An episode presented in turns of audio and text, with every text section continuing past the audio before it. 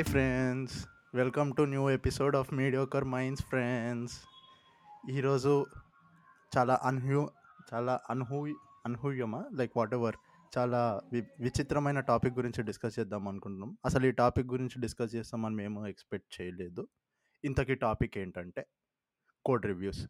అసలు ఈ code reviews ఏంటిదిరా బాబు అంటే ఇప్పుడు ఇంజనీరింగ్ చేసి సాఫ్ట్వేర్ ఇండస్ట్రీకి వచ్చిన ప్రతి ఒక్కడు రోజు పొద్దున్న లేచినప్పటికెళ్ళి రాత్రి పడుకునే వరకు దాన్ని అనుభవించాలి. దాన్ని అర్థం చేసుకోవాలి. దాన్ని నేర్చుకోవాలి. అందుకని ఈరోజు మనతో Hari and Krishi and me we all will be discussing అసలు what is the panchayati of this code reviews. So Hari అసలు నీ దృష్టిలో కోడ్ రివ్యూ అంటే ఏంది? అసలు అది ఎందుకు కావాలి? బేసిక్గా బేసిక్గా. యా. కోడ్ రివ్యూ అంటే బేసిక్గా నువ్వు రాసిన కోడ్ని నీ టీం వాళ్ళు రివ్యూ చేయడానికి యా నీ టీం వాళ్ళు రివ్యూ చేయడం అనమాట బేసిక్గా. That's that's in code review put in basic terms. అసలు వాడు సో ఎందుకు రివ్యూ చేయాలి? అసలు టీం వాళ్ళు ఎందుకు రివ్యూ చేయాలి? నేను రాసిన కోడ్ డైరెక్ట్గా పబ్లిష్ చేద్దాం అనుకుంటా యా. నేను. అదే. మాట ఎందు వినేదే లేదు నేను. అంతే. ఎందుకు రివ్యూ చేయాలంటే ప్రతి ఒక్కడు రాసిన like every one are humans. ఏదో ఒక మిస్టేక్ చేస్తారు. ఎవడనే చేస్తాడు. మొన్న మా కంపెనీలోనే లైక్ తోపు. అంటే వాళ్ళు రాస్తేనే కోడ్ ఎట్లుంటుంది అంటే కొరుక్క తినాలనిపిస్తుంది అనమాట అట్లుంటుంది. వాళ్ళు కూడా ఎక్కడనో ఒక దగ్గర చిన్న మిస్టేక్ చేస్తారు. ఏదో ఒక ఒక ఇదేంది ఒక డాక్ స్ట్రింగ్లా ఓ స్పెల్లింగ్ మిస్టేకో లేకపోతే డాక్ స్ట్రింగ్లా కొంచెం ఒక ఒక సెంటెన్స్ పోతుంది. ఏదో ఒకటి అవుతుంది ఎట్లా సో కోడ్ రివ్యూస్ అనేవి సో మనం ఎప్పటికి ఉండము. కోడ్ మాత్రం అక్కడనే ఉంటుంది. అందుకనే రివ్యూ కోడ్ వేసిండు అన్ని వేసిండు కోడ్ కోడ్ ఎంత బెటర్గా ఉంటే దాని నీ తర్వాత వచ్చి నీ ప్లేస్లో పనిచేసేటోడికి అంత ఈజీ అవుతుంది అండ్ ఈ ఇంకా ఇంకా చాలా బెనిఫిట్స్ ఉన్నాయి ఇట్లా మాట్లాడుకుంటూ పోతే బేసిక్గా. Yeah like these are the good things start with. నేను నేను నేను నేను ఒకటి చెప్తాను. నాకు చిన్న ఉన్నప్పుడు ఒకళ్ళు చెప్పిండ్రు అది గుర్తొస్తుంది. బేసిక్లీ మనం కోడ్ రివ్యూ ఎందుకు చేస్తాము అంటే మనం రాసిన కోడ్లో మనకంటే ఎక్కువ తప్పులు అవతల వాళ్ళు వెతుకుతారు. ఎందుకంటే మనం పెరిగే సొసైటీలో ఏంది అంటే మన తప్పుల కంటే అవతల తప్పులు వెతకడంలో మనం ఎక్స్పర్ట్ కాబట్టి వాడు ఇట్లా పర్ఫెక్ట్. వాడు అట్లా చేసిండు అని పర్ఫెక్ట్ అదైతే. చెప్పి. కోడ్ నేను ఈ యాంగిల్ ఎప్పుడు చూడలే.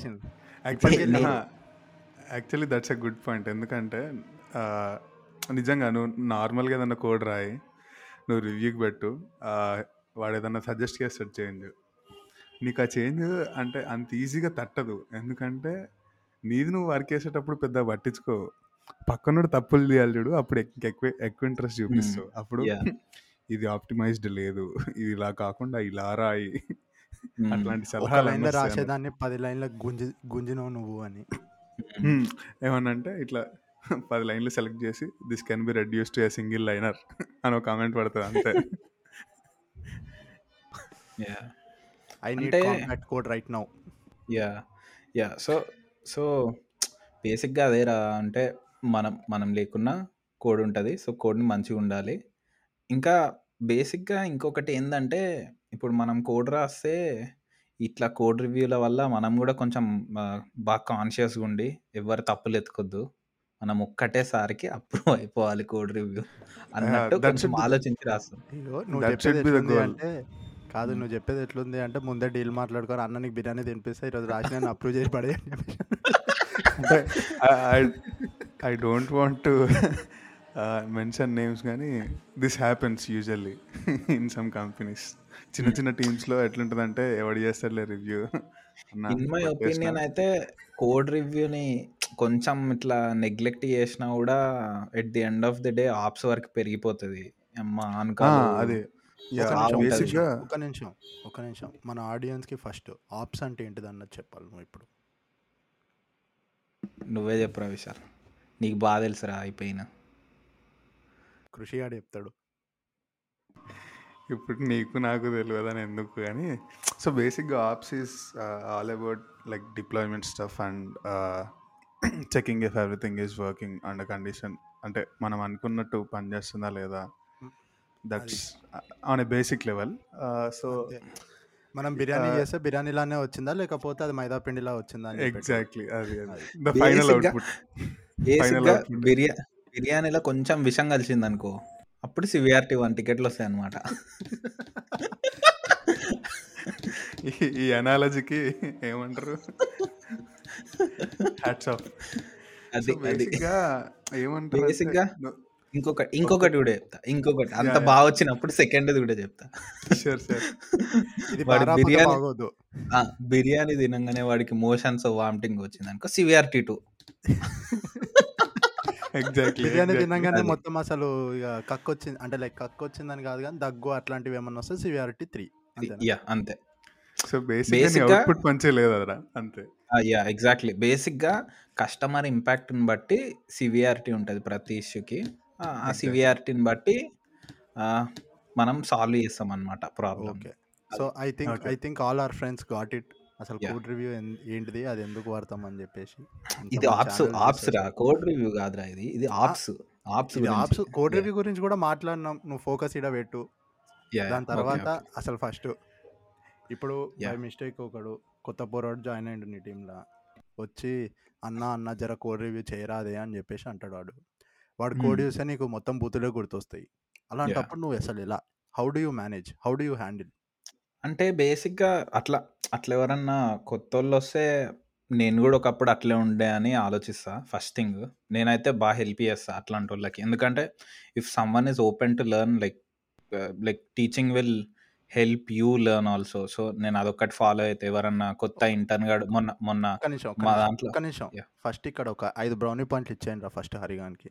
ఎందుకురా? కంటిన్యూ ఆ, సరే. సో మొన్న మొన్న ఇ- ఇట్లనే అయింది. మా ఇంటర్న్ గాడు ఒక మా టీంలో ఒక ఇంటర్న్ గాడు జాయిన్ అయ్యిండు. అయితే నేను వానికి ఇదేంది? బడ్డీ ఉండే అనమాట సో వాడు ఎట్లా అంటే ఈ అమ్మ ఆ, చిన్న చిన్న పిల్లల్లాగా అనిపిస్తారు రా వాళ్ళు. ఎట్లా అంటే వచ్చి అన్న అన్న అది ఏందా ఏందన్నా ఇది ఎట్లన్నా అది ఇది అన్నట్టు అడుగుతారు. సో వాడు మస్తు షార్ప్ ఉండేటోడు. కాకపోతే వాడికి తెలియదు he doesn't know like where exactly to search for అంటే ఎక్కడ వెతకాలి? ఏది స్టార్టింగ్ పాయింట్ అనేది వాడికి తెలియదు. సో అట్లా చెప్తే యా అది. రాత్రి రాత్రి కూర్చొని. రాత్రి రాత్రి ఏం కాదు కానీ. సో ఏదో ఒకప్పుడు దొరుకుతాయి చూసుకోవాలి ఈ చూసి నేర్చుకోవాలి. ఎగ్జాక్ట్లీ. అంతే కదా. సో అట్లా. చేస్తే ఏంటంటే మనకు కూడా కొంచెం క్లారిటీ వస్తుంది. ఒక్కోసారి రివిజన్ లాగా చేయాలని. అవుతుంది ఎట్లా చేయాలనే కదా. అంతే. మనం కూడా అప్పుడప్పుడు ఎక్స్ప్లెయిన్ చేసేటప్పుడు we see things in a different perspective. అంటే ప్రాక్టికల్సా థియరీయా అంటే నువ్వు. కోడ్ రాసి కొట్టి చూపిస్తావా? లేకపోతే థియరీలో చెప్పి అరే ఇట్లా whatever it takes to get him understand మొత్తం ఎక్స్పీరియన్స్ క్యాండిడేట్ అంటావు. ఎక్స్పీరియన్స్ అంతా పంచాలంటావు. యా ఎగ్జాక్ట్లీ యా అరే అది మాత్రం ఎక్స్పీ సాఫ్ట్వేర్ దాంట్లో ఎక్స్పీరియన్స్ని పంచనోడంతా మూర్ఖుడు పనికిమాలినోడు ఇంకెవ్వరు ఉండరు. మూర్ఖుడు కాదు. అట్లా ఎక్స్పీరియన్స్ మంచినోడు కుర్చీకి భారం. ఆడు కుర్చీలో కూర్చోడానికి భారం వాడు. వాడు భూమికే బరువు. యా. సో బేసిక్గా అంటే విశాల్ గారు ఉన్నారు ఉన్నారు. కొన్ని- కొన్ని పేర్లు వస్తున్నాయి నాకు మైండ్లోకి కాకపోతే ఎందుకులే. పక్కన పక్కన పెట్టేయచ్చు అవి మొత్తం అంతా మన అమెజాన్ బాబాయ్గా. అసలు కంపెనీల పేర్లు తీయదు కానీ కానీ. సో బేసిక్గా యా నువ్వు అంటే జనరల్గా కోడ్ రివ్యూ గురించి అడిగినావు కాబట్టి అంటే ఫస్ట్ థింగ్ నేను when I join the company okay first two కంపెనీస్లో పెద్ద కోడ్ రివ్యూస్ ఏం కాలేదు. నా ఇండి ఇండివిజువల్ ప్రాజెక్ట్స్ ఉండే. So I was considered as independent contributor ఎందుకంటే కైండ్ ఆఫ్ ట్రివియల్ ప్రాజెక్ట్స్లే అది. ఓకే. నీకు నువ్వే తోపు. అప్పుడు అట్లా అనుకున్నాం ఇక. పోటీ. నీకు నువ్వే పోటీ నీకు నువ్వే సాటి. అంతేనా? అది అయిన తర్వాత యా అది అయిన తర్వాత మళ్ళీ యాక్చువల్గా ఇప్పుడు కరెంట్ వర్కింగ్ కంపెనీలో జాయిన్ అయినప్పుడు కోడ్ రివ్యూ స్టార్టింగ్లో నేను చేసిన దానికి ఓ నలభై ఏమో యా నలభై యాభై కామెంట్లు వచ్చిండే. ఇట్లా చూసిన ఏంది నా కోడ్ ఇంత చెత్తగా ఉంటుందా? ఇన్ని కామెంట్లు వస్తాయా? అని. స్టార్టింగ్లో ఆ ఐటరేషన్స్ త్రూ వెళ్తుంటే ఆ పుల్ రిక్వెస్ట్ మీద నేను చేంజెస్ చేయడం మళ్ళీ ఇంకో సెట్ ఆఫ్ రివ్యూ ఐటరేషన్ మళ్ళీ చేంజ్ ఐటరేషన్ మళ్ళీ రివ్యూ ఐటరేషన్. ఇదంతా వస్తుంటే అది కొంచెం ఏమంటారు ఏ ఇదేం నెత్తి నొప్పిరా అనిపించేది. కానీ ఇప్పుడు I feel like that was the learning process that's where I learn a lot instead of అంటే ఇప్పుడు అదే అక్కడ నేర్చుకున్నవి నేను సపరేట్గా నేర్చుకోవాలంటే నాకు it would have taken more time it was a more practical approach and more in a constructive dis discussion మేనర్లో అయింది అక్కడ. సో రీసెంట్గా మా దాంట్లోకి ఇంటర్న్ ఉండే. వాడికి కూడా కోడ్ రివ్యూ చేసే ముందు వాడు నాలాగా ఇబ్బంది ఫీల్ అవ్వద్దని నేను ఫస్టే చెప్పిన. ఇది మన ఫస్ట్ కోడ్ రివ్యూ కాబట్టి చాలా ఐటరేషన్స్ అవుతాయి don't worry about it. Will keep it going. Like చిన్న చిన్న ఐటరేషన్స్ చేసుకుంటూ will make the code perfect అని. That's how I made the code reviews. So yeah అంటే బేసిక్గా if you are not reviewing code reviewing your code then you are eventually fucked up at some point in time ఎందుకంటే it will be like a domino effect ఒక చిన్న code ఉంటుంది. True ఏం లేదు దీన్ని review చేయకపోయినా నడుస్తుందిలే అనుకుంటాం. మళ్ళీ తర్వాత ఇంకోటి అవుతుంది ఇంకోటి అవుతుంది ఇంకోటి అవుతుంది దాని తర్వాత ఒక చైన్ ఆఫ్ ఎలిమెంట్స్ అయిపోయి ఒక్క కాడ చిన్నది మిస్ అయింది అనుకో ఇక అంతే అదొక డామినో ఎఫెక్ట్ మొత్తం పెంట్ నిజంగా. దీనికి ఒక ఎగ్జాంపుల్ చెప్తా. ఇట్లానే మా దాంట్లో ఏమైందంటే ఒక బగ్ వెళ్ళి కూర్చుంది. అది బగ్ అని చెప్పేసి ఒకటి రియలైజ్ అవ్వాలి. అసలు అది ఉందని కూడా ఒకటి రియలైజ్ అవ్వాలి. దాని తర్వాత సంవత్సరాలు అయిపోయింది అది అట్లనే కూర్చుంది. దాని తర్వాత ఒకడు వెళ్ళి కాలేసిండు దానిపైన పేలింది. మొత్తం ప్రొడక్షన్ అంతా డౌను రాత్రి అంతా కూర్చొని చేయాల్సి వచ్చింది. సో ఇంకొకటి ఇప్పుడు బేసిక్లీ కోడ్ రివ్యూ చేసేటప్పుడు నేను చూసింది ఏంటిది అంటే కొన్ని పిఆర్స్ ఉంటాయి. కొంతమందికి ఏంటిది అంటే ఒక పద్ధతి పాడు అనేది ఉండదు. ఒక వంద కమిట్లు రెండు వందల ఫైళ్ళని ఎడిట్ చేసి ఒకటేసారి కోడ్ రివ్యూ ఒకటేసారి పిఆర్ రిలీజ్. చేస్తాడు. అదొక దరిద్రం అది. అది అట్లా ఇప్పుడు వంద కమిట్లు చేసినప్పుడు ఏంటి అంటే నువ్వు కమిట్ వైజ్ వెళ్ళేసి ఆ కమిట్కి ఒక పేరు సపరేట్గా ఒక పేరు పెడితే దానికి ఒక మెసేజ్ పడ పడేస్తే నువ్వు వెళ్ళి ఆ కనీసం ఆ కమిట్లో ఎడిట్ చేసిన ఫైల్స్ ఆ కమిట్ మెసేజ్కి టాలీ అవుతుందా లేదా చూసుకోవచ్చు. మనోడు ఏం చేస్తాడంటే వంద కమిట్లకి అదే పేరు ఉంటుంది సేమ్ నేమ్ ఉంటుంది వంద కమిట్లకి. దాని తర్వాత రెండు వందల ఫైళ్ళు ఎడిట్ చేస్తాడు. ఆ రెండు వందల ఫైళ్ళు చూసే వరకు నీకు నీకు ఆ రోజు లాగ్ ఆఫ్ చేసి ఇంటికి వెళ్ళిపోవచ్చు అది రివ్యూ అయిపోయిన తర్వాత. సో అలాంటివి ఎలా చేస్తే బెటర్ అని మీ ఒపీనియన్? బేసిక్గా ఒక్క పుల్ రిక్వెస్ట్లో ఒకటే కమిట్ ఉండాలి. ఇంకెక్కువ ఉండొద్దు. లేకపోతే నువ్వు లోకల్ బ్రాంచ్లో నువ్వు ఎన్నన్నా చేసుకో. స్క్వాష్ చేసుకొని కమిట్ చేసుకో లాస్ట్కి. ఏది చేసేటప్పుడు అన్న ఓకే. అంటే I have a diff different approach here అంటే usually what we follow so మేమేం చేస్తామంటే నువ్వు లోకల్ ఎన్నన్నా చేసుకో బట్ ఫైనల్కి వచ్చేసరికి సింగిల్ డిజిట్ కమిట్స్ ఉండడం ఈజ్ ఐడియల్ సింగిల్ డిజిట్ నేను కూడా కమిట్స్ అన్నది అదే. యా యా యా సో అంటే బేసిక్గా ఇప్పుడు మోస్ట్లీ ఎట్లా చేయాలంటే ఇప్పుడు సపోజ్ నీకు ఫీచర్ ఫీచర్ కొత్త ఫీచర్ రాస్తున్నావు సో దానికి నువ్వు say if you are working on a full stack application నువ్వు బ్యాక్ ఎండ్ బిల్డ్ చేస్తావు ఫ్రంట్ ఎండ్ బిల్డ్ చేస్తావు దానికి కావాల్సిన ఎన్విరాన్మెంట్ స్టఫ్ ప్యాకేజెస్ అవన్నీ ఇన్స్టాల్ చేస్తావు. So. Keep each that sector in each commit ఒక కమిట్లో ఓకే యాడింగ్ న్యూ ప్యాకేజెస్ అదొక కమిట్ మెసేజ్ క్లియర్గా ఉండాలి. అంటే ఈ కమిట్లో న్యూ ప్యాకేజెస్ అడిషన్ ఆ కాన్ఫిగరేషన్ అడిషన్స్ తప్ప ఇంకేం లేవు.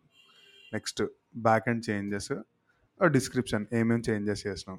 That should be in the commit message or at least PR డిస్క్రిప్షన్లో అన్న there should be a bulleted point so that the reviewer knows okay నేను ఇది రివ్యూ చేయాలి ఇది చేయాలి సో అది ఉందా లేదా చెక్ చేయాలి అన్నట్టు తెలుస్తుంది. And third commit front end fourth commit ఏదన్నా అడిషనల్ చేంజెస్ ఏమైనా ఉంటే అది చేసేస్తో పెడతావు. అండ్ మోస్ట్ మోస్ట్లీ ఏమంటారంటే అంటే మా దాంట్లో వి మెన్షన్ అంటే go commit by commit before reviewing or అన్ని ఫైల్స్ ఒకటేసారి చూడు. That's that's how we say so yeah అది మేం ఫాలో అయ్యేది or what work well for us అది.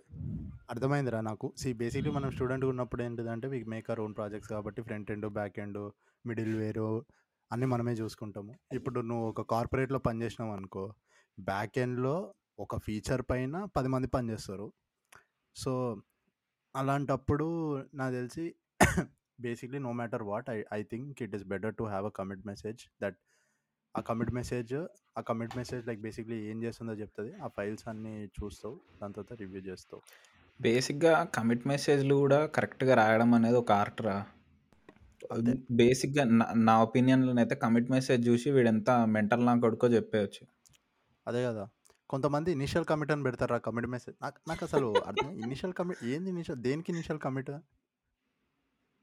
పిచ్చి గిట్ల సో డెఫినెట్లీ అంటే కమిట్ మెసేజెస్ ఆర్ ఇంపార్టెంట్ అంటే నేను ఇక్కడ ఒక పాయింట్ యాడ్ చేస్తా అంటే యూజువల్లీ చాలా కంపెనీస్ అంటే నేను చూసినవి ఆ, ఎ- ఎట్లా అంటే వాళ్ళు కోడ్ రాయడానికి స్టాటిక్ అనాలిసిస్ అవి ఇవి వాడతారు కదా.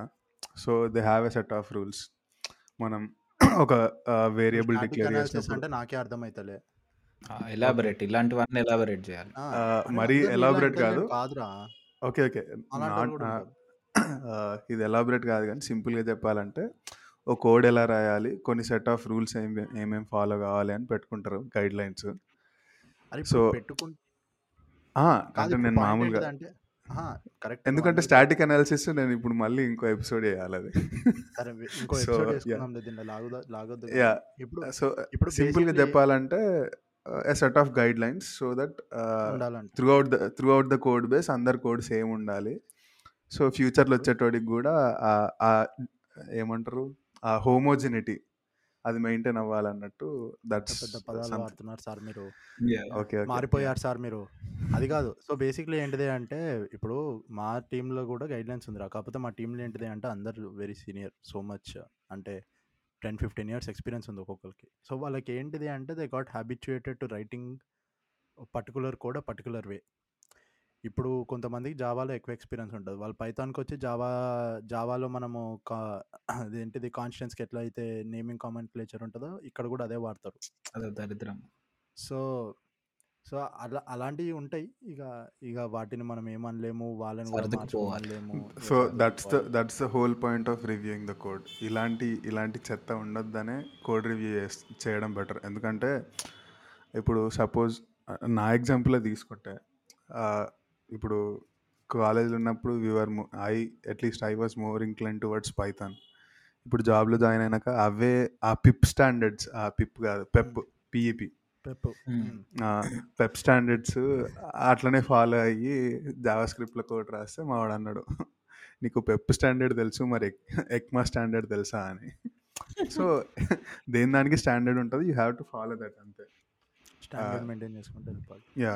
So back to the point ఈ ఈ గైడ్ లైన్స్ ఇవన్నీ ఎలా అయితే ఫాలో అయిదామని రాసుకుంటారో కమిట్ మెసేజెస్ ఎలా రాయాలని కూడా రాసుకోవడం చాలా ఇంపార్టెంట్. ఇప్పుడు మా దాంట్లో యా మా దాంట్లో ఎట్లుంటుందంటే మాది మోనోరెపో మోనోరెపో కాబట్టి so every subdirectory is a sub project. So monorepo అంటే ఒకటే ప్రాజెక్ట్ కంటిన్యూ. యా ఒకటే ఒకటే రెపోలా we have multiple projects which are interlink by the way so yeah so మేము ఏ ప్రాజెక్ట్లో అయితే చేంజ్ చేస్తామో ఫస్ట్ ఆ ప్రాజెక్ట్ కాలన్ యువర్ చేంజెస్ అట్లా పెట్టుకుంటాం మెసేజెస్ సో ఒక ఒక కమిట్ మెసేజ్ చూడంగానే ఇది ఏ ప్రాజెక్ట్లో చేంజెస్ అవుతున్నాయి ఏమేమి చేంజెస్ అవుతున్నాయి తెలిసిపోతుంది. సో ఒక కోడ్ రాయడానికి ఎంత స్టాండర్డ్స్ అయితే పెట్టుకుంటామో కమిట్ మెసేజ్ రాయడానికి కూడా అంతే ఈక్వల్లీ స్టాండర్డ్స్ పెట్టుకోవడం అన్నది ఇంపార్టెంట్ ఇప్పుడు that's what okay. I feel ఇప్పుడు ఇప్పుడు coming to the next important question అసలు ఫస్ట్ కమిట్ మెసేజ్ ఇవన్నీ okay.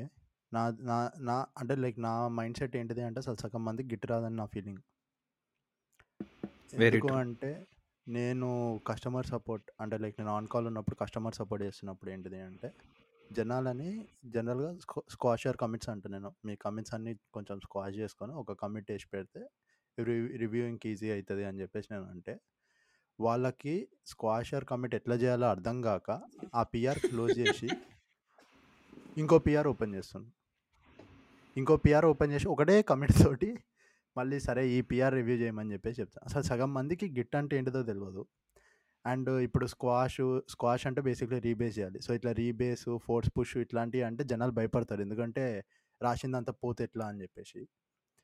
So how important is git importance of learning git or like లేకపోతే అసలు గిట్ ఎంత ఇంపార్టెంట్ ఈ పిఆర్ సిఆర్ ఈ కమెంట్లు వీటన్నిటికంటే ముందు అసలు గిట్ ఎంత ఇంపార్టెంట్ అన్న దానిపైన హరిగాన్ వాట్ ఆర్ యువర్ ఒపీనియన్స్ ఒక మంచి అనాలజీ కోసం వెతుకుతున్నా.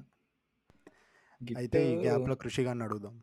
కృషి వాట్ ఇప్పుడు జనరల్గా ఏమంటారు లైనక్స్ అండర్స్టాండింగ్ కోసం ఎల్ఎస్ సిడి కమాండ్స్ ఎంత ఇంపార్టెంటో git checkout git branch git merge ఇవి కూడా అంతే ఇంపార్టెంట్. నా ఒపీనియన్లో అంటే ఒక నువ్వు ఒక టీంలోకి వెళ్ళి వర్క్ చేస్తున్నావు అంటే you should you should definitely know this commands or వాటి వర్కింగ్ ఏంది?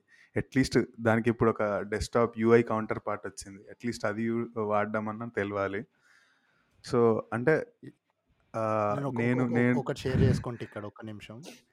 అయితే స్టార్టింగ్లో నేను కూడా గిట్ కమాండ్స్ అంటే నాకు ఇక బేసిక్ గిట్ వచ్చు అడ్వాన్స్డ్ గిట్ అంత మనకి అంత సీన్ లేదు. సో గిట్ డెస్క్టాప్ ఎవరికి రాదు. కంపెనీలో పెంట చేసినాకనే అడ్వాన్స్డ్ గిట్ తెలుస్తుంది. అప్పటి వరకు ఎవరు నేర్చుకోడు. అదే. సో అప్పట్లో ఏంది అంటే సరే మనమే మనకి ఎందుకు ఇది అంత గిట్ డెస్క్టాప్ ఉంది అది చేసుకుంటుంది. కమాండ్లు కొట్టుడు మనకి బద్ధకం కదా ఎట్లయినా అని చెప్పేసి గిట్ డెస్క్టాప్ వేసుకున్నా. అదేంటిది? అది పుష్ ఆరిజిన్ అని చెప్పేసి చూపించింది ఆప్షన్ పైన. మనకి ఓ ఓసిడి ఉంటుంది అనమాట ఆగదు. అట్లా అట్లాంటివి కనిపిస్తే మనకి అది ఇరిటేషన్ సో అది పుష్ ఆరిజిన్ రాగానే సరే అని చెప్పి కొట్టేసిన. అదేంటిది? డైరెక్ట్గా పుష్ చేసి దొబ్బింది దానికి ఒక కోడ్ రివ్యూ లేదు కమెంట్ లేదు ఏమీ లేదు. Direct pro direct like production బ్రాంచ్కి అది పుష్ చేసింది. దాని తర్వాత వెళ్ళి మళ్ళీ దాన్ని రివర్ట్ చేసి అప్పట్లో ప్యాచ్ అనేది ఒకటి ఉంటుందని కూడా తెలియదు మళ్ళీ ఆ. పిఆర్ ఓపెన్ చేసుకొని దాన్ని కాపీ పేస్ట్ చేసి అంత పెద్ద రచ్చ అయింది అది. సో అలాంటివి కూడా జరుగుతూ ఉంటాయి ఫ్రెండ్స్. Please be careful. బేసిక్గా గిట్ కూడా రావాల్సింది ఏందిరా? అసలు కమిట్ ఎట్లా చేయాలి? ఒక కమిట్ని అమెండ్ ఎట్లా చేయాలి? బ్రాంచ్ ఎట్లా క్రియేట్ చేయాలి? బ్రాంచ్లు ఎట్లా మారాలో? బ్రాంచ్ ఎట్లా డిలీట్ చేయాలి? ఓ పుల్ రిక్వెస్ట్ ఎట్లా కొట్టాలి? ఓ రీబేస్ ఎట్లా చేయాలి? మర్జ్ ఎట్లా చేయాలి? వస్తే చాలరా. ఇంకా లాగ్ ఎట్లా చూడాలి? ఇంకా ఇది basic to intermediate stuff intermediate stuff తర్వాత ఏముంటుంది? ఏమంటారు? ఇద్దరు సేమ్ బ్రాంచ్ మీద వర్క్ చేస్తున్నప్పుడు కాన్ఫ్లిక్ట్స్ ఎట్లా రిజాల్వ్ చేయాలి. అది ఫస్ట్. తర్వాత కమిట్ స్పెండ్ అయితే చెర్రీ పిక్ ఎట్లా చేసుకోవాలి? పికింగ్ కొంచెం అంటే కాన్ఫ్లిక్ట్ అంటే నేను కిలోమీటర్ ఉరుకుతా. నాకు ఇప్పటికో పెద్ద లొల్లు అనిపిస్తుంది యాక్చువల్లీ యాక్చువల్లీ నేను గుద్దుతా గుద్దిందే గుద్ది గుద్దిందే గుద్ది మా దాంట్లో. మా దాంట్లో ఎట్లా చేస్తారంటే అన్ని ఒకటే దాంట్లో ఒకటే అదేంది బ్రాంచ్ మీద దొబ్బించుకుంటారు అనమాట సో ఏమైతుంది? ప్రతిసారి వస్తాయి ఇవి మర్జ్ కాన్ఫ్లిక్ట్లు. ఒక్కొక్కడు నీ అమ్మ రెండు వందలు మూడు వందల లైన్లు కోడి గుద్దుతా ఉంటారు ఒక ప్రతిరోజు. సో అర్థం కాదు. అది ఏది తీయాలి ఏది పెట్టాలి? So I feel like merge కాన్ఫ్లిక్ట్లు resolve చేయడం అయితే నాకు ఇంటెలిజెన్స్ చాలా హెల్ప్ చేస్తుంది ఆ యూఐ కానీ. నేను ఇంకా తిక్క దొబ్బితే మర్జ్ కాన్ఫ్లిక్ట్ వస్తే మరీ పెద్ద పెద్ద వచ్చినాయి అనుకో మొత్తం అంతా ఇంకో బ్రాంచ్ క్రియేట్ చేసుకొని ఓ దాంట్లో పాత కోడ్ అంతా ఓపెన్ చేసుకొని దాని నుంచి. దీంట్లోకి పేస్ట్ చేసుకుంటా పెట్టుకోవడమే it is the very fastest way to resolve అది కాదు. కాన్ఫ్లిక్ట్స్ అది నేను నేను స్టార్టింగ్లో అట్లనే చేసేది. కాకపోతే ఈ మధ్య అంతకంటే పెద్ద హ్యాక్ ఉంది. చెప్తే షాక్? అవుతావు రీబేసింగ్ లేకపోతే కాదు కాదు కాదు. రీబేస్ వాడు ఎట్లానే చేస్తాం? రీబేస్. చేసినా వస్తాయి. కదా. చెప్పేది. వాడు మర్జీ చేసే ముందు నువ్వు మర్జీ చేసి దొబ్బు. అయ్యా అవును. నిజంగా. అప్పుడు వాడు వాడు సాల్వ్ చేసుకుంటాడు కాన్ఫ్లిక్ట్స్ నీకు కరెక్ట్. అదే అరే దాన్ని మించిన కాన్ఫ్లిక్ట్ రెజల్యూషన్ ఇంకేది ఉండదు. ఉండదు. సో బేసిక్లీ ఇప్పుడు. మనం స్టాండప్ లోడ్ అని చెప్పిన అనుకో దీనిపైన పని చేస్తున్నా అని చెప్పి నాది ఉందనుకో నేను ఇక ఆ రోజు రాత్రి పన్నెండు అయినా ఒంటి గంట అయినా ఆ రోజు. వరకు వెయిట్ చేసి నా కోడ్ ఫినిష్ చేసి రివ్యూ. మాకు ఆస్ట్రేలియన్లో ఒకడు ఉంటాడు అనమాట సో ఏంటిదంటే మాకు ఓవర్ నైట్ కూడా వాడు అంటే కోడ్ రివ్యూస్కి వాడికి వాడికి పంపిస్తే వాడు. అప్రూవ్ చేస్తాడు. Okay so that no conflicts. Yeah yeah. అది అది ది బెస్ట్. లైక్ మా టీంలో కూడా ఎవరన్నా సేమ్ దాని మీద పనిచేస్తారు అంటే నేను ఇంకా రివ్యూ చెయ్యండో చెయ్యండో అని అందరికీ మెసేజ్లు దొబ్బుతా. ఇంకా అందరికి ఇరిటేషన్ వచ్చి నెమ్మ పోనీరా వీడు వీడు వీడిని అప్రూవ్ చేసి దొబ్బుదామని దొబ్బుతా. అరే ఇప్పుడు ఇప్పుడు నేను ఒకటి ఆనెస్ట్ ఆనెస్ట్ ఆన్సర్ ఎక్స్పెక్ట్ చేస్తున్నారా? Yeah. ఎప్పుడన్నా మీరు కోడ్ రివ్యూ చేసేటప్పుడు దానిలో ఏముందో చూడకుండా డైరెక్ట్ అప్రూవ్ చేసినరా జస్ట్ ఫర్ ద సేక్ ఏంటిది అంటే మీకు టైం లేదు. Reason whatever could be the reason రా. మీరు కోడ్ రివ్యూ చేయకుండా పిఆర్ని అప్రూవ్ చేసినరా ఎప్పుడన్నా. అంటే depends on who is sending the review రా. ఆబ్వియస్లీ. యా. ఇప్పుడు సపోజ్ ఎవరన్నా పిల్లనా కొడుకు చెప్తే అదేం టైం లేదు నేను తర్వాత చేస్తాను క్లియర్గా చెప్పేస్తాను ఇప్పుడు సపోజ్ ఒక సబ్ ప్రాజెక్ట్ మీద నేను ఇంకొకటి వర్క్ చేస్తున్నాం. He predominantly works on it. And నేను ఎప్పుడెప్పుడు ఏదో చిన్న చిన్న చేంజెస్ చేస్తాను అనుకో ఇప్పుడు వాడు పిఆర్ ఓపెన్ చేసిందంటే ఆబ్వియస్లీ నాకంటే వాడికి ఎక్కువ క్లారిటీ ఉంటుంది. Yeah. So in that cases as I did it అది కూడా ఎందుకంటే it's like neck of time వచ్చేసింది Yeah. రిలీజ్ చేయాలి. I'm sure that he doesn't అక్కడ ట్రస్ట్ బేసిక్గా ఇంకొకటి ఏంది అంటే ఏమన్నా ఇష్యూ వచ్చింది అనుకో ఇప్పుడు నేను నాకు ఒకడు పిఆర్ పంపిస్తాడు. నేను నేను ఎప్పుడు చూడకుండా అప్రూవ్ చేస్తా అంటే మన ఇష్యూ వస్తే వాడు వెంటనే అరే ఇది ఇష్యూ నేను రాసిన కోడ్లోనే వచ్చింది సో వెంటనే ఫిక్స్ చేయాలి అని ప్రొయాక్టివ్గా ఉండేవాడని ఫిక్స్ చేసుకునేటట్టు ఉంటారు చూడు. వాళ్ళ దగ్గరనే కొంచెం లీనియంట్ ఉంటా కానీ వేరే వాళ్ళ దగ్గర సారీ టైం లేదు ఎందుకంటే ఇప్పుడు మనకి తెలియదు మనం అప్రూవ్ చేస్తాము మనకి తెలియదు మన- ఫిక్స్ చేయము వాడు చేయడు. పెద్ద అదే. బొక్క. అప్రూవ్ చేస్తే అది రెస్పాన్సిబిలిటీ తీసుకోవాలి కదా ఇప్పుడు ఆ కూర్చొని యాక్చువల్లీ ఒక- ఇంకొకటి ఒక పిఆర్ పిఆర్ ఆథర్ మీద ఎంత రెస్పాన్సిబిలిటీ అయితే ఉంటుందో కోడ్ Reviewer మీద. కూడా అంతే రెస్పాన్స్ అదే. అవును. Yeah we share the responsibility actually. ఇంకోటి ఏమనిపించింది అంటే నాకు కొంతమంది కొన్ని కొన్నిసార్లు రాస్తారు. అంటే వాళ్ళు అది ఎందుకు రాసిండ్రన్నది నాకు అర్థం కాదు.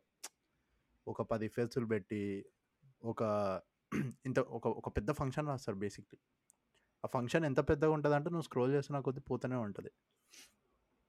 ఇప్పుడు వాళ్ళకి చెప్దామంటేనేమో వాళ్ళంతా సీనియర్ మెంబర్స్ అయి ఉంటారు. సో అలాంటప్పుడు as a fresh grad as a new grad మీరు ఎలా డీల్ చేస్తారు అలాంటి situations?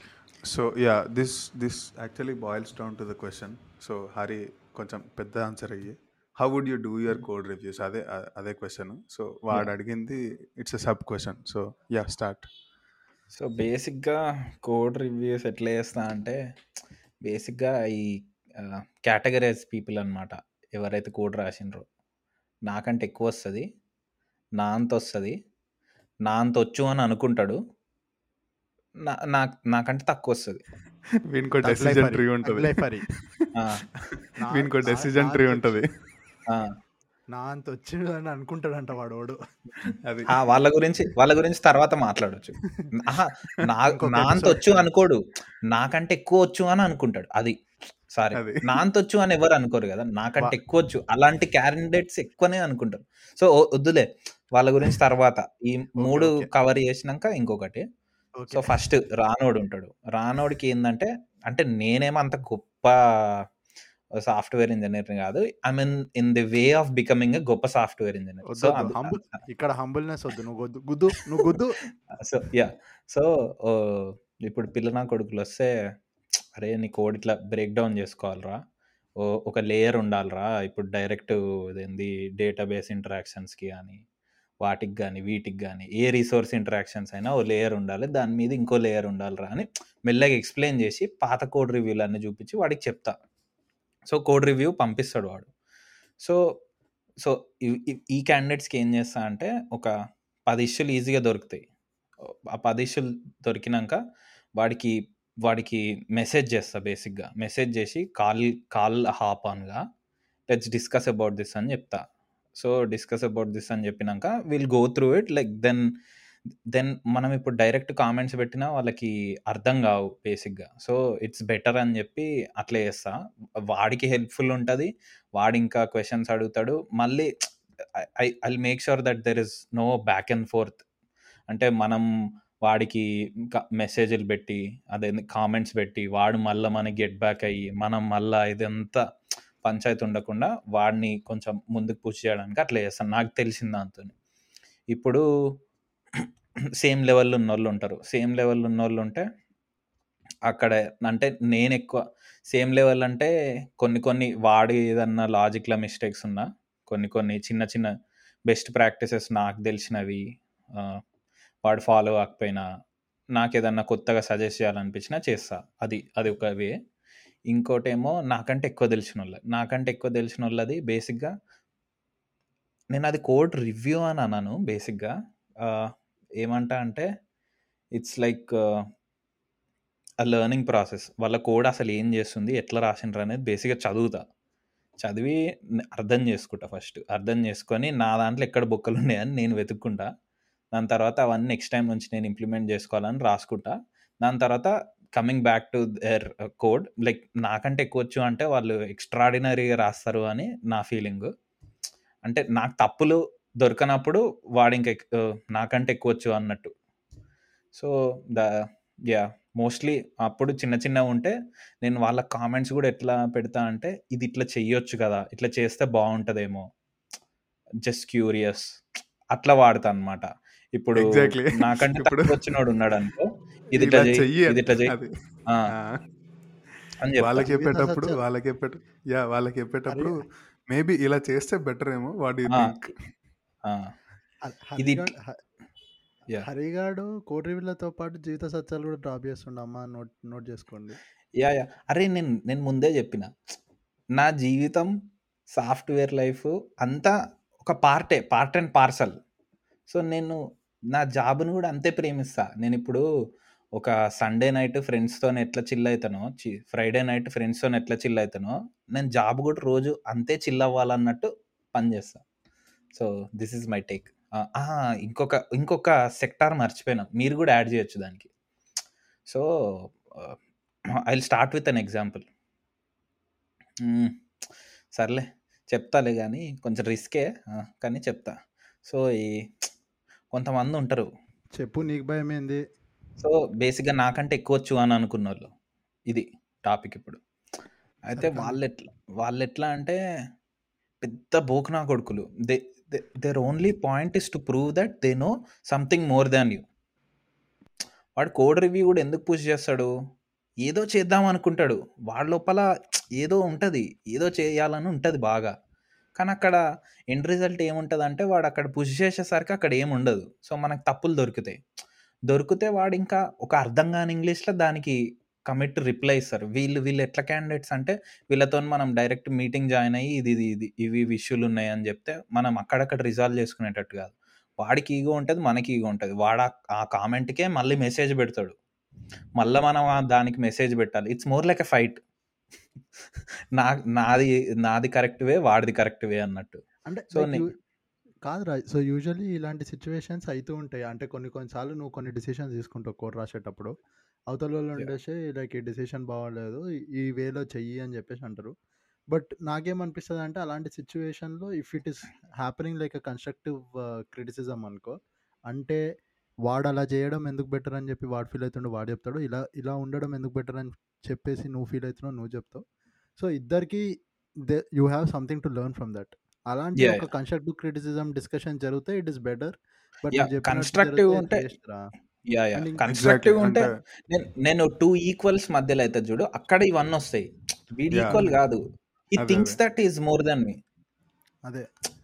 అది వేరే టాపిక్ అరే కన్స్ట్రక్టివ్ వాటంతా. సో ఈ కోడ్ రివ్యూస్లో సరే దీని తర్వాత అది మాట్లాడదాము.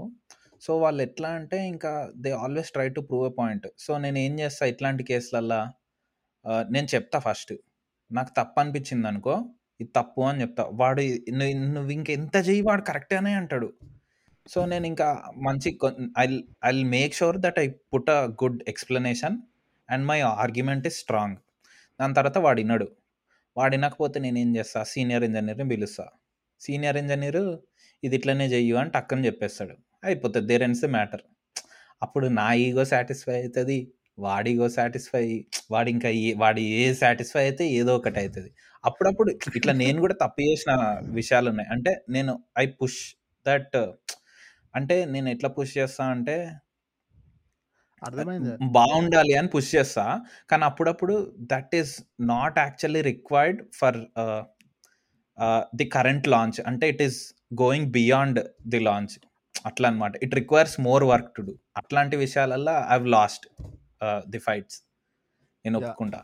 అంటే కొన్ని కొన్నిసార్లు ఇట్ ఇట్ అంటే time is also very important time is also major factor agile nature okay agile nature అంటే రెండు వారాలు రెండు వారాలకి కావాల్సిన పని తీసుకొని పని చేస్తాము. ఇప్పుడు కృషి అంటే లైక్ ఇప్పుడు హరిగాడు చెప్పిన పాయింట్లు కాకుండా లైక్ నువ్వు నీ దగ్గర ఇంకేమైనా ఎక్స్ట్రా పాయింట్స్ ఉన్నాయా? లైక్ అబౌట్ అంటే అండ్ లైక్ ఇలా అని. వాడి ఎక్స్పీరియన్స్ వ్యాస్ట్ ఎక్స్పీరియన్స్ లా ఉంది. సో కొన్ని చిన్న చిన్న పాయింట్స్ ఏంటంటే so how would you review someone's code అంటే జనరల్ నా నా ఫ్లో ఎట్లుంటుందంటే ఫస్ట్ ఆ ఫైల్ చేంజ్ చేసారు కమిట్ మెసేజెస్కి వెళ్తా చూస్తా. ఓకే వాడు పెట్టిన పిఆర్ డిస్క్రిప్షన్కి అవి ఓకే ఉన్నాయా లేదా చూసుకొని then just skimming through the files ఏమేమి చేంజెస్ చేసిండో లైట్గా చూస్తా. అందులో కొన్ని ఆబ్వియస్ ఉంటాయి. కొన్ని కమెంటెడ్ అవుట్ కోడ్స్ ఉంటాయి. అంటే కమెంటెడ్ కోడ్ ఉన్నప్పుడు ఇఫ్ ఇట్స్ అంటే అది కమెంట్ అని ఉండాలి లేదా ఆ కోడ్ ఉండొద్దు. కోడ్ రాసి దాన్ని కమెంట్ చేయొద్దు. అది నా పాయింట్. అండ్ కొన్ని అన్నెసెసరీ యా అన్నెసెసరీ లాగ్స్ ఇట్లాంటివి ఉంటాయి. సో ఇట్లాంటి బేసిక్ స్టఫ్ ఆ స్కిమ్మింగ్ టైంలో cut cut cut cut review కొట్టేస్తా. ఇది తీసే ఇది తీసే ఇది తీసే అని. Next first one branch checkout చేసుకొని ఫస్ట్ బేసిక్ వాడు ఏదైతే చేయాలనుకుంటుండో అది రన్ అవుతుందా లేదా?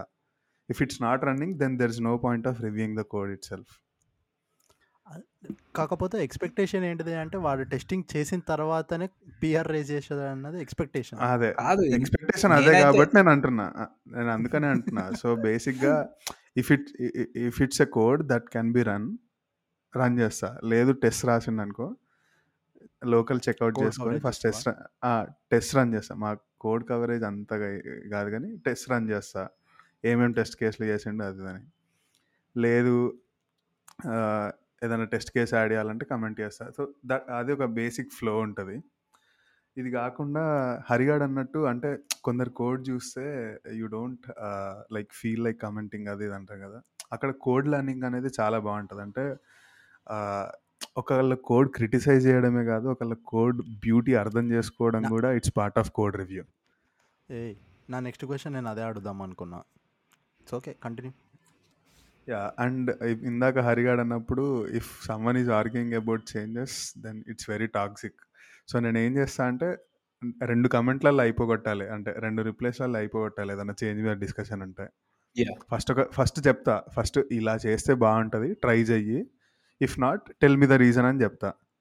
వాడు ఏదైనా. చెప్పిండు అనుకో if if it doesn't make sense for me ఇక నేను ఒకసారి గూగుల్ ఎత్తికి నా నా ఏమంటారు నా ఆర్గ్యుమెంట్కి సపోర్ట్ చేసే లింక్స్ అన్నీ ఆడ వాడేస్తా. ఇది ఇది ఇది ఇది సిచ్యువేషన్ ఇట్లా చెయ్యాలి తర్వాత డెసిజన్ నీది. అంటే ఆ డెసిజన్ తీసుకోక అది పక్కా తీసుకోవాలి వీడు ఏమన్నా చేయాలి అంటే ఇంకా నేను అప్పుడు సెకండ్ రివ్యూవర్నో ఎవరినో కొన్ని మెల్లగా ట్యాగ్ చేస్తాను లా నా మాట ఇంటలేడు చూసుకో అన్నట్టు ఇండైరెక్ట్గా అదే నేను ఒక్కనే రివ్యూర్ ఉన్నా అనుకో దెన్ ఐస్లా మెల్లగా డిఎంకి వెళ్ళి ఇది కాదురా బాబు ఇది అని ఎక్స్ప్లెయిన్ చేస్తాం అది వేరు. And yeah. నువ్వు విశాల్ గారు ఒక question అడిగిండే. So how do you suggest some changes to seniors అంటే they are habituated to it అని.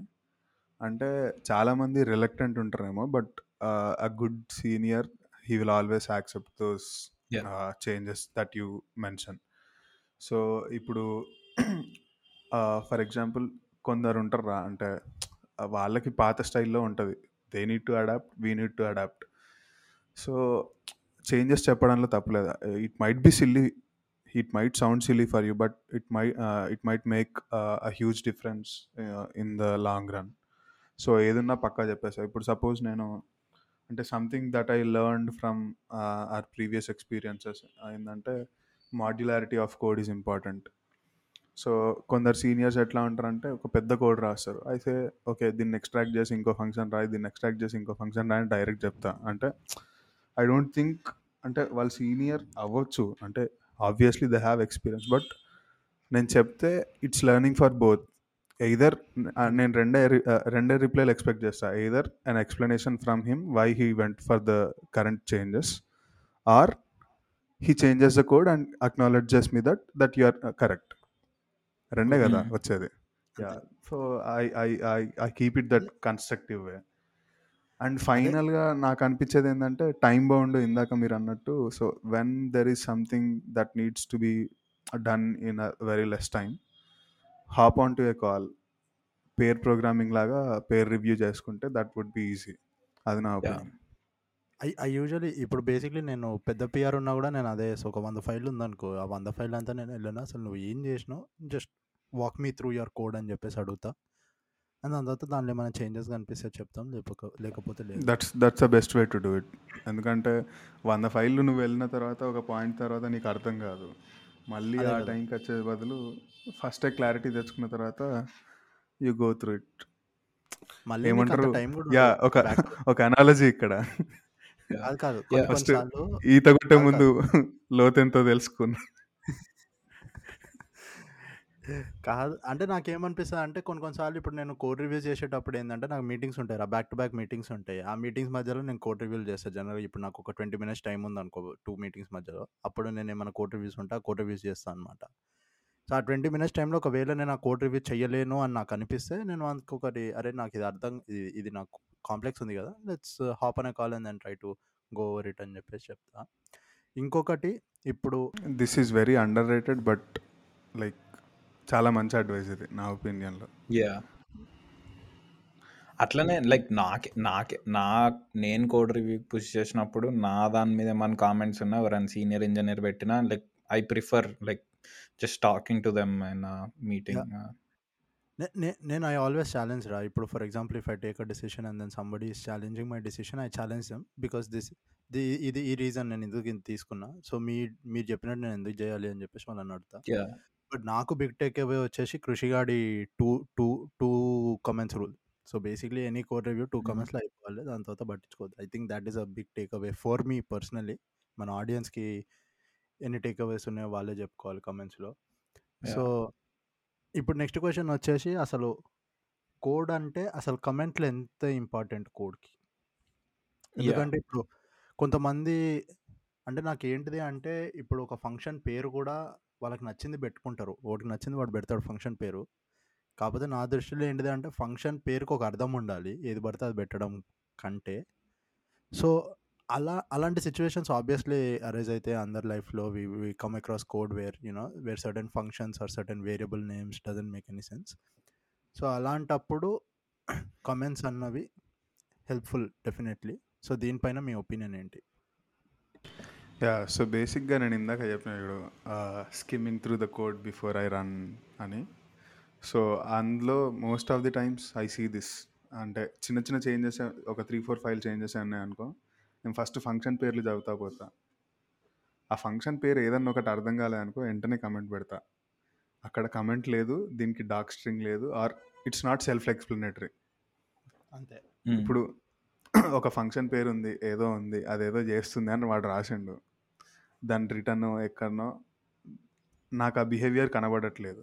Then I ask either comment add చేయి ఇది ఏం చేస్తుంది? లేదా go for a better name. ఇప్పుడు నేను సజెస్ట్ చేసి నువ్వు దానికి అగ్రి చేయడం ఇదంతా ఏమంటారు? Naming things takes ninety nine percent of the time in your coding so yeah naming things and commenting is very important and నేను యూజువల్లీ ఫాలో అయ్యేది ఏంటంటే ఇప్పుడు బేసిక్గా అండ్ ఇది ఇది ఇంపార్టెంట్ యాక్చువల్లీ చాలా ఇంపార్టెంట్ ఏంటంటే ప్రతి చిన్నదానికి కమెంట్ రాయడం కూడా పెద్ద గలీజ్ అలవాటు అది. ఆడ ఫర్ లూప్ ఉంటుంది. ఆడ ఫర్ లూప్ ఉంటుంది. దాన్ని దాని డేటా. వ్యాలిడేట్ చేస్తాం. దాని డేటా వ్యాలిడేట్ చేస్తాం. ఫర్ లూప్లో iterating through every element validating the data if it's good or not returning the data removing the invalid data ఇంత అవసరం లేదు. అంత ఉంటే అవసరం ఉంటే వ్యాలిడేట్ డేటా అని ఆ ఫర్ లూప్ని ఒక ఫంక్షన్లో పెట్టి ఆడో కమెంట్ రాసుకో. యా. యా ఆ. పర్ఫెక్ట్ సో అన్నెసెసరీ కమెంట్స్ కూడా చాలా కాదు పెద్ద పెద్ద ప్యారల్ అంటే iterating to every element and then like validating data అని చెప్పి అక్కడ పాట్ రాసుకొని వచ్చి ఇంగ్లీష్లో. సో యా అది over commenting is also very bad habit in my opinion ఎందుకంటే కోడ్ చదివేటోడికి మూడు ఉత్సాహం అన్ని సర్వనాశనం అవుతాయి. నేను ఇంకోటి. కూడా యాడ్ చేస్తా ఇప్పుడు కోడ్ రివ్యూ మనం పుష్ చేస్తాము ఇప్పుడు ఒక లాగింగ్ది మిస్టేక్ ఉందనుకో ఇప్పుడు లాగ్ చేస్తాము లాగ్ చేసి సమ్ ప్రతి లాగ్ లైన్లో వాడు సేమ్ అదే మిస్టేక్ చేసిండు సో. ఇప్పుడు ఆ వాడు ఆ కోడ్ రివ్యూలో ఒక ముప్పై సార్లు లాగ్ అదే తప్పు చేసిండు సో Hmm. నువ్వేం చేస్తావు? ఒక మంచి కోడ్ రివ్యూయర్ ఏం చేస్తాడు? నేను నువ్వు కమెంట్ పెడతా. బేటా ఇది మొత్తం మొ- నీ ఫైల్ నీ దాంట్లో మొత్తం ఇదే మిస్టేక్ ఉంది. సో ఫిక్స్ చేసుకో అని చెప్పి ఒక కామెంట్ పెడతావు. మాక్సిమం రెండు రెండు లాగ్ స్టేట్మెంట్ల దగ్గర ఎందుకంటే ఫస్ట్ చూస్తావు కామెంట్ చేస్తావు. సెకండ్ చూస్తావు కామెంట్ చేస్తావు. కిందికి Exactly. పోతున్నప్పుడు వచ్చేది. ఉంటే అదే. యా ఇంకొక దగ్గర కామెంట్ చేస్తావు అన్ని మార్చేయు అని. ఇట్లా కొంతమంది కొడుకులు ఉంటారు. ముప్పై సార్లు పెడతారు. అరే నీకు నీ- ఇంత పనికి మాల్లో నువ్వు అనుకుంటా నేను. అరే cool cool cool it is it is just to show their visibility. ఓకేలా సరే రా కూల్. అంటే ఇప్పుడు ఎవరి జాగ్రత్తం వాడిది పాపం వాడికి అట్లా ప్రతిదీ వాడికి తప్పు కనిపించిన ప్రతి దగ్గర పెట్టాలని వాడికి అనిపించింది అనుకో. కాదు వాడిది అది కాదు ఇంటెన్షన్ అది ఉండదు వాడిది. ఇప్పుడు నేను ఏదో వీడిని చేస్తున్నా వీడిని ఉద్ధరిస్తున్నా అని చెప్పి హయ్యర్. మేనేజ్మెంట్కి తెలియడానికి అట్లా ఇవో స్టంట్స్ ఇవన్నీ. ఎన్ని. కమెంట్లు పెడితే అంత గొప్ప ఫీల్ అవుతాడు. Exactly perfect. అది ఆ, ఎన్ని కామెంట్స్ పెడితే వాడంతా తోపైన ఇంజనీర్ అన్నట్టు వాడి ఫీలింగ్ సో బేసిక్గా కోడ్ రివ్యూ అని కూడా ఎట్లా చేయాలి అంటే కోడ్ రివ్యూ నేను నాదొక చిన్న ఇది. వాడు ఎంత ఖాళీగా ఉంటే అన్ని ముప్పై ప్లేస్లలో కమెంట్ పెడతాడు. అది అది అదే వాడు నేను ఇది క్యాచ్ చేస్తారో లేదో అనుకుంటా హయ్యర్ మేనేజ్మెంట్. వాడు ఎంత అంటే ఎంత చిడేలుగాడైతే వాడు ఎంత పని లేకున్నాడు ఉన్నాడైతే సరే సరే. మన topic code review code review చేసేటప్పుడు అదే, తిట్టడు yeah. కాదు. సో కాకపోతే అంటే నాకు ఒకటి చెప్తా విను. సరే అది అది నువ్వు కొంచెం పాజ్ చేసి కూల్గా నేను ఒక పాయింట్ చెప్తా. నాకు ఏమనిపిస్తా అంటే సగం మందికి లాగ్ వాడేటప్పుడు డీబగ్ ఎక్కడ వాడాలి ఇన్ఫో ఎక్కడ వాడాలి అవును. ఎర్రర్ ఎక్కడ వాడాలి వార్న్ ఎక్కడ వాడాలి తెలియదు అనిపిస్తుంది అసలు. నేర్పియాల్సి వస్తుంది. వాళ్ళకి. నేను ఒక రూల్ ఆఫ్ థంబ్ ఫాలో అవుతా దీనికి. అంటే జస్ట్ ఇట్లా మ్మ్. ఒకటి మొత్తం ఇక ఇప్పుడు ఎర్రర్ ఎప్పుడు వాడాలంటే ఒకటి మొత్తంకే పీకింది మన సర్వీస్లా మనం ఏదో ఫిక్స్ చేయాలి అనుకున్న దగ్గర ఎర్రర్ వాడతా. డీబగ్. అదేంది వార్న్ ఎప్పుడు వాడతా అంటే ఇది పీకింది కానీ మనం ఫిక్స్ చేసినా చేయకపోయినా ఇది నడుస్తుంది. అంత క్రిటికల్ కాదు. ఇన్ఫో ఎప్పుడు వాడతా అంటే ఇప్పుడు నార్మల్ ఇవన్నీ ఉంటాయి కదా. ఈ ఇప్పుడు ఇది జరిగింది. సో అండ్ సో థింగ్ జరిగింది. ఎస్ నెక్స్ట్ స్టెప్ దీనికి వెళ్తున్నాము ఎస్ సో ఒక అన్నప్పుడు ఎర్రర్ అది వాడు. ఎప్పుడన్నా ఎర్రర్ వచ్చిందనుకో దాని ముందట ఏమేం జరిగిందని తెలుసుకోవడానికి. ఇన్ఫో కావాలి. డీబగ్ ఏంటిది అంటే ఇక అనవసరమైన చెత్త అంతా తీసేయాలంటే డీబగ్ వాడాలి. యా క్రిటికల్ కూడా ఉంటుంది. కాకపోతే క్రిటికల్ ఇక క్రిటికల్ సిచ్యువేషన్స్లో వాడాలి. Yeah but like at the end of the day ఒక కోడ్ రివ్యూ ప్రాపర్గా ఎట్లా చేయాలి అనేది అంటే ఒక కోడ్ రివ్యూ ఎట్లా చేయాలంటే మనకి లెర్నింగ్ కర్వ్ ఉండాలి. ఎప్పుడు ఎప్పుడు ఒకటి కోడ్ పుష్ చేసినా it is he is not the same person అనమాట అదేంది? లాస్ట్ టైం ఎవడైతే కోడ్ పుష్ చేసిండో ఇప్పుడు కోడ్ పుష్ చేసినోడు సేమ్ కాదు. There is a lot of learning in between exactly that that's a great point అంటే if అది- నాట్ ద సేమ్ ఇఫ్ మన if is the same person yeah if is the. Same person then either of you are not doing the code review in a correct way. అన్న opinion exactly so that brings to our final question అసలు first of all code review చేయడం వల్ల వచ్చే లాభాలు ఏంటి? First నేను చెప్తాను నా నా ఎక్స్పీరియన్సెస్ నేను షేర్ చేసుకుంటా. సో కోడ్ రివ్యూ చేయడం వల్ల మేజర్గా నాకు జరిగేది ఏంటిది అంటే హై క్వాలిటీ కోడ్ ఎలా రాయాలి అని చెప్పి నాకు తెలుస్తుంది ఫస్ట్. ఎందుకంటే సీనియర్ మెంబర్స్ ఉన్నారు వాళ్ళు చాలా కాంపాక్ట్గా రాస్తారు. అండ్ ఆల్సో నాకు ఏమనిపిస్తుంది అంటే ఇప్పుడు ను- నువ్వు ఒక ఎంఎన్సీ లాంటి ఎంఎన్సీస్కి పనిచేస్తే చాలా పెద్ద కోడ్ బేస్ ఉంటుంది. So ninety percent of the time నీకు ఆ కోడ్ బేస్ అంత అర్థం కాదు. బట్ కోడ్ రివ్యూ చేస్తే ఏంటిది అంటే you will explore different parts of the code that you have never worked on. And that seem to help me a lot అంటే నాకు అది చాలా హెల్ప్ అయింది. అండ్ ఇంకోటి ఏంటిది అంటే కోడ్ రివ్యూ చేయడం వల్ల నా ఇంకోటి ఏమనిపిస్తుంది అంటే నువ్వు నేర్చుకుంటావు. అంటే ఇప్పుడు డీబగర్ లేకుండానే నీకు తప్పు ఎక్కడ జరిగిపోతుంది అన్నది అర్థమైపోద్ది. ఆ స్కిల్ అనేది డెవలప్ అయింది నీకు ఆటోమేటిక్గా ఓవర్ పీరియడ్ ఆఫ్ టైం ఇప్పుడు స్టార్టింగ్లో ఏంటిది అంటే నువ్వు నువ్వు డీబగ్ స్టార్టింగ్లో అట్లీస్ట్ నాకేంటిది అంటే డీబగ్గర్ లేకపోతే అసలు ఆ కోడ్లో తప్పు ఎక్కడ పోతుందని చెప్ప చెప్తానేమో. బట్ స్టిల్ నాట్ వెరీ అంటే ఇట్లా చూడంగానే చెప్పే రేంజ్లో అయితే లేకుండే. బట్ ఇప్పుడు కోడ్ రివ్యూస్ చేసిన తర్వాత చేసి చేసి చేసి చేసి ఏంటిది అంటే ఇప్పుడు ఒక కోడ్ చూస్తే దాంట్లో తప్పు ఎక్కడ ఉందో చెప్పగలుగుతా అట్లీస్ట్ చూడగానే. ఆ స్కిల్ ఒకటి డెవలప్ అయింది. టాప్ ఆఫ్ ద హెడ్ ఈ ఈ ఈ టూ త్రీ పాయింట్స్ ఉన్నాయి నాకు.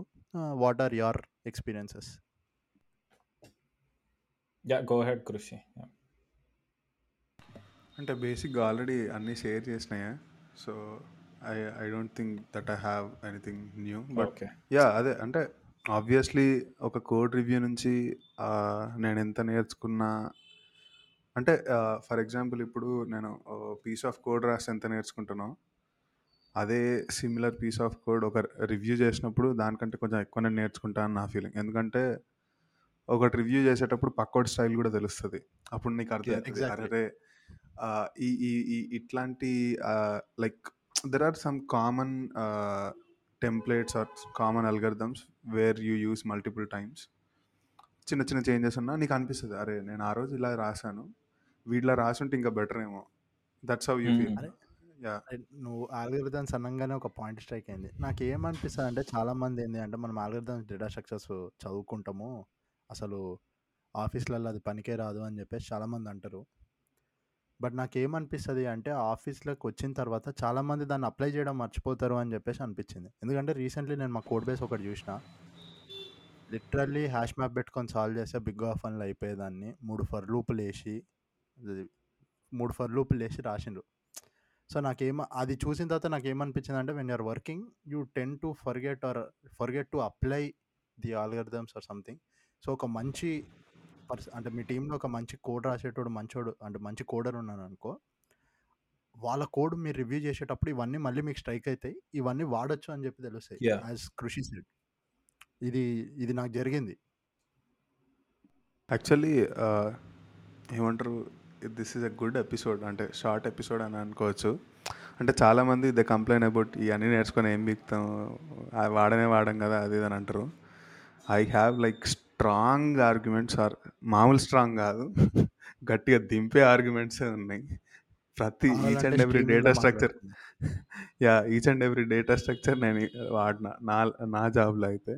So we can do another episode on that yeah maybe yeah I think we can end this episode but before ending I just want every one us to every one of us to give a tip or a piece of wisdom or something whatever you call it. So audience takeaway అది. ఎట్లా అంటే yeah this point help me అని వాళ్ళు feel అవ్వాలి. So anything that you want to tell like regarding code reviews చెప్పినట్టు Hari. Already చెప్పినట్టు already చెప్పినట్టు నాకైతే నీ టూ పాయింట్ రిప్లై సిస్టమ్ బాగా నచ్చింది రా కోడ్ రివ్యూస్ అప్పుడు. బికాస్ ఏంటిది అంటే సమ్ టైమ్స్ ఏమైంది అంటే they'll be a lot of argument lot of discussion to and fro to and fro to and fro I think rather than arguing and trying to explain the other person what exactly is happening నువ్వు నువ్వు నువ్వు అనుకుంది. నువ్వు పెడతావు దాని తర్వాత ఇది రాబోయే నా నేను ఎందుకు నేను అట్లా అనుకోవడానికి ఇది రీజన్ అని చెప్పేసి పెడతావు దాని తర్వాత వాళ్ళు చేస్తే చేసుకుంటుంది అది.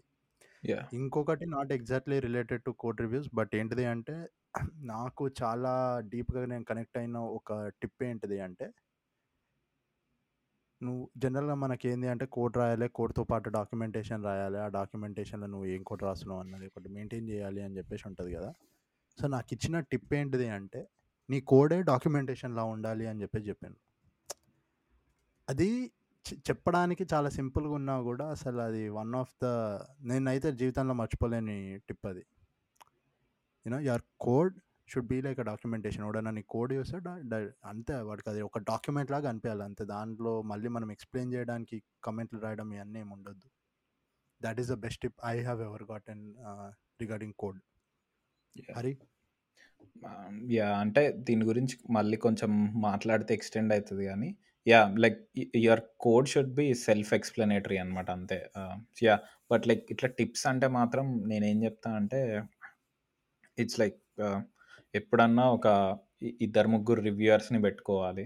లైక్ ఏదన్నా నీ క్లాష్ ఉన్నా ఆ, ఒకటి రిజాల్వ్ చేసేస్తాడు వెంటనే దిస్ ఇస్ నాట్ దిస్ అని.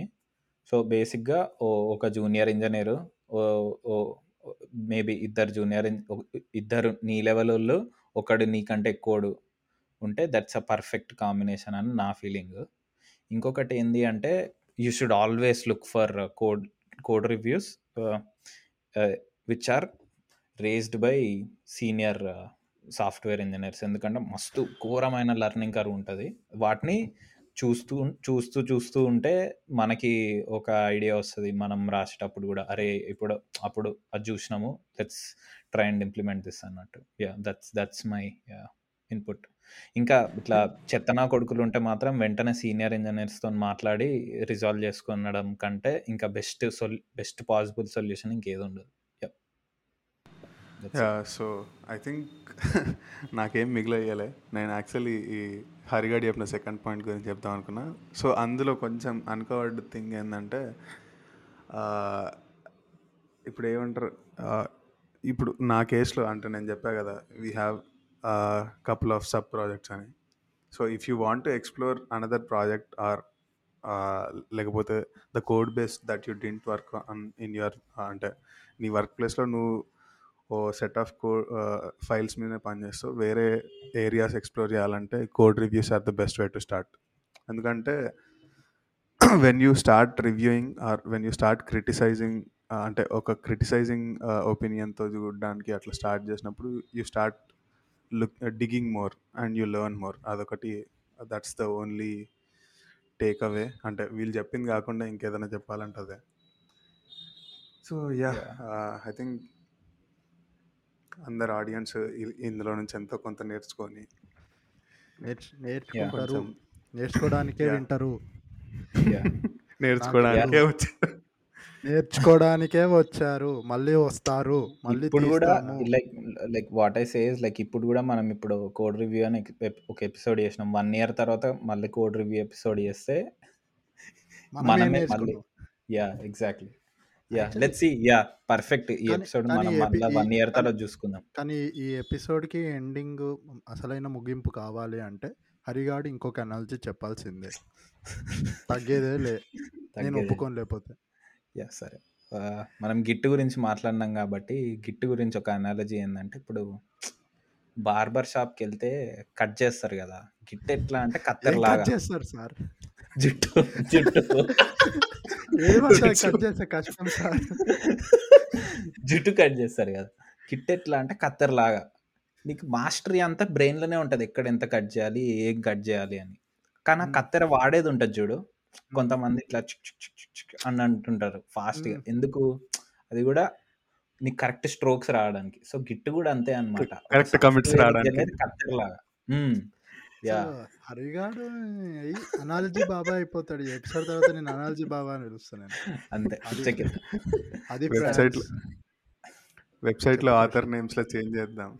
Analogy Baba Hmm. హరి. అది. ఓకే ఫ్రెండ్స్ ఈ ఎపిసోడ్లో ఇంకా? రివ్యూస్ గురించి మాకు. తెలిసింది వాగాము. తెలుసుకోవాల్సింది చెప్పాము. మీకు తెలుసుకు మీరు కూడా ఏమన్నా తెలుసుకున్నా తెలుసుకోకపోయినా ఏదైనా ప్లీజ్ లైక్ కమెంట్ షేర్ మేము. ఏదన్నా బ్లండర్ చేస్తే మా ఈమెయిల్ ఐడికి ఒక. ఈమెయిల్ గుద్దండి. తిట్టండి. తిట్టండి హరిగాడు అంతే. గుద్దండి. తప్పలేదు. అది. మేము అవన్నీ నేర్చుకోవడానికి వాడుకుంటాం. Okay. We we take Yeah. Constructive criticism that is who we Yeah. Are positive people positive Mm. Vibes code reviews లాగానే ఎపిసోడ్ రివ్యూస్ అంతే. కాదు. అంతే. యా తగ్గేదేలే. ఓకే నీకు ఏం. చేద్దాం? వీడికి ఇప్పటికే ఎక్కువైంది. చాలా అయింది. కూల్ ఫ్రెండ్స్ మళ్ళీ నెక్స్ట్ వీక్ కొత్త ఎపిసోడ్తో కొత్త టాపిక్స్తో మళ్ళీ కలుద్దాం. బాయ్.